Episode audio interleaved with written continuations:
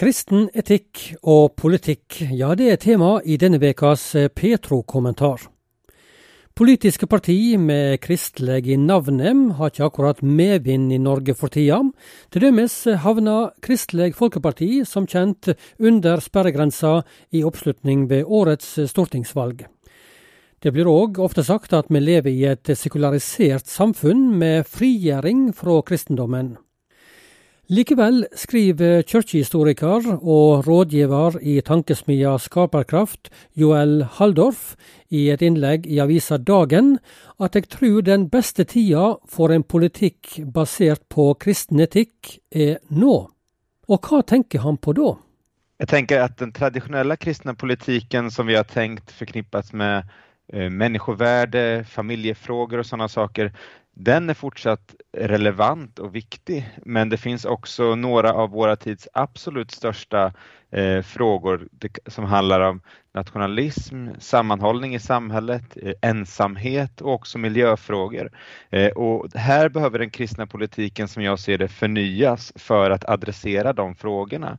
Och om den gör det så finns det gott hopp eh, om fortsättningen för den typen av politik. Hur ska den förnyelsen då ske?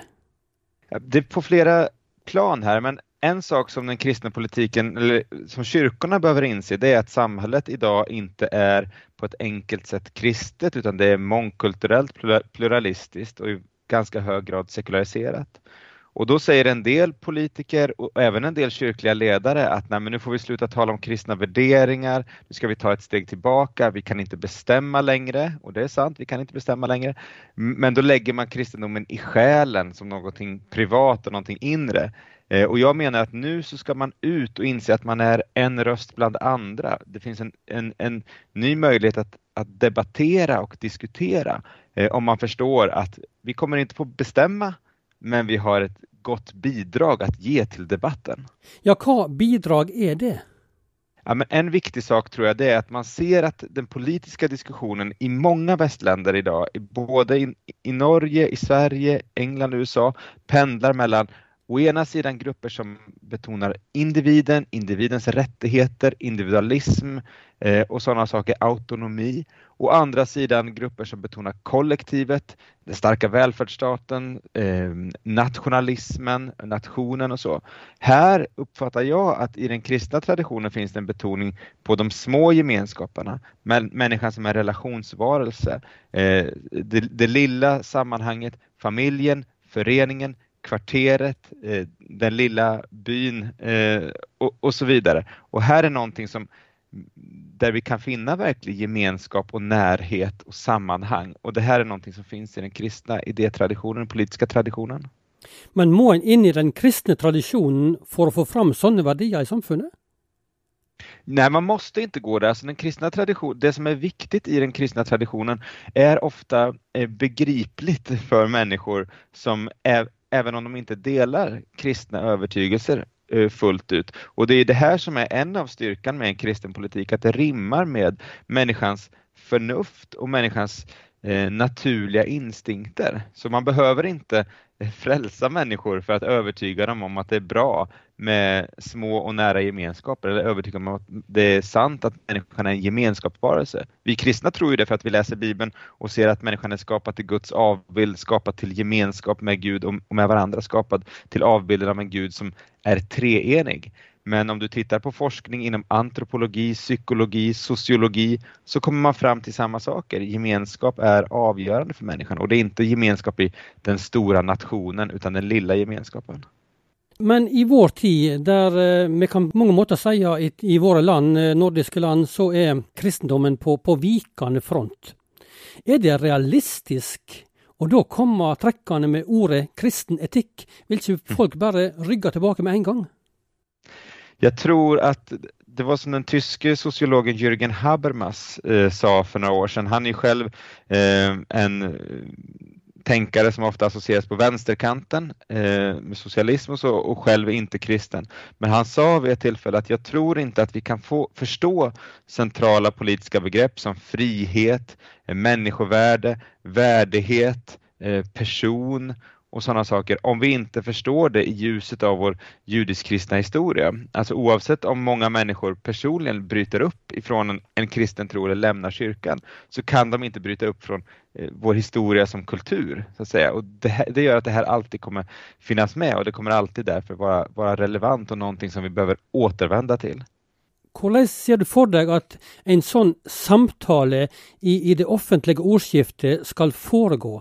Skal kristne da komme med Bibelen i hånden og proklamere bibelord, eller skal en føre dialogen på en annen måte? På hvilken måte ser du for deg? Mm, jättebra fråga. Eh, jag tänker så här personligen att man, man jag brukar börja i det som, de, som vi delar. Eh, det som jag uppfattar att många människor kan vara eniga i baserat på vetenskap, baserat på förnuft, baserat på, på eh, gemensamma värderingar eller starka värderingar åtminstone som finns i vårt samhälle. Eh, sen tycker jag att det finns en poäng att jag som en kristen debattör och teolog pekar på att ytterst är källan för mig själv i, i, i den här frågan Eh, ett bibelsammanhang eller en teologisk övertygelse. Man behöver inte ha samma källa, man behöver inte hålla med om det, men jag vill visa mina kort, som vi säger på svenska. Jag vill visa var jag kommer ifrån. Jag, jag accepterar inte idén av en, av en sekulär offentlighet där inga religiösa röster ska få höras. Jag, jag vill ha en offentlighet där vi kommer från olika håll, men där vi hittar mötespunkter. Så jag försöker göra lite både och här, både så att säga mötas på en gemensam mark men också visa här är, mina, här är det jag kommer ifrån. Och den här artikeln som föranleder vårt samtal, artikeln som var i, i Dagen, även en kortare version i Aftenposten. Eh, om man tittar på den så ser jag att det är precis så den är upplagd med ett försök att ha en bred ingång men också en koppling tillbaka till första Mosebok och skapelseberättelsen. Hvem er det, ser du for deg, som skal delta i dette, denne dialogen, dette ordskiftet? Må en være spesielt uh, eh, utrusta? Er det spesielt utdanna mennesker, eller hvem skal hive seg på her, syns du? Och snackar ni om olika nivåer här?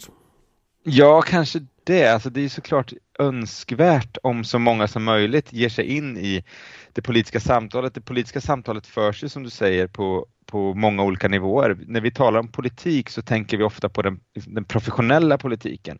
Eh, anställda, politiker, tankesmedjor, Eh, debattörer och så. Men, men, politiken i ett samhälle börjar ju vid köksbordet. Politik betyder på grekiska livet tillsammans eh, och därför så är ju också familjen en politisk enhet och inte minst församlingen och kyrkan är också politiska grupper. Inte, gen, inte bara genom att man har massa åsikter om det ena och det andra men att man försöker förhandla ett gemensamt liv som en liten så att säga, cell i samhället och som sen får påverkan. Så det viktigaste politiska uppdraget som kyrkan har det är till exempel också att vittna om hur man kan leva eh, ett annat liv än det som så att säga vi tillsägs att leva genom konsumism och underhållningsindustri och sådana saker.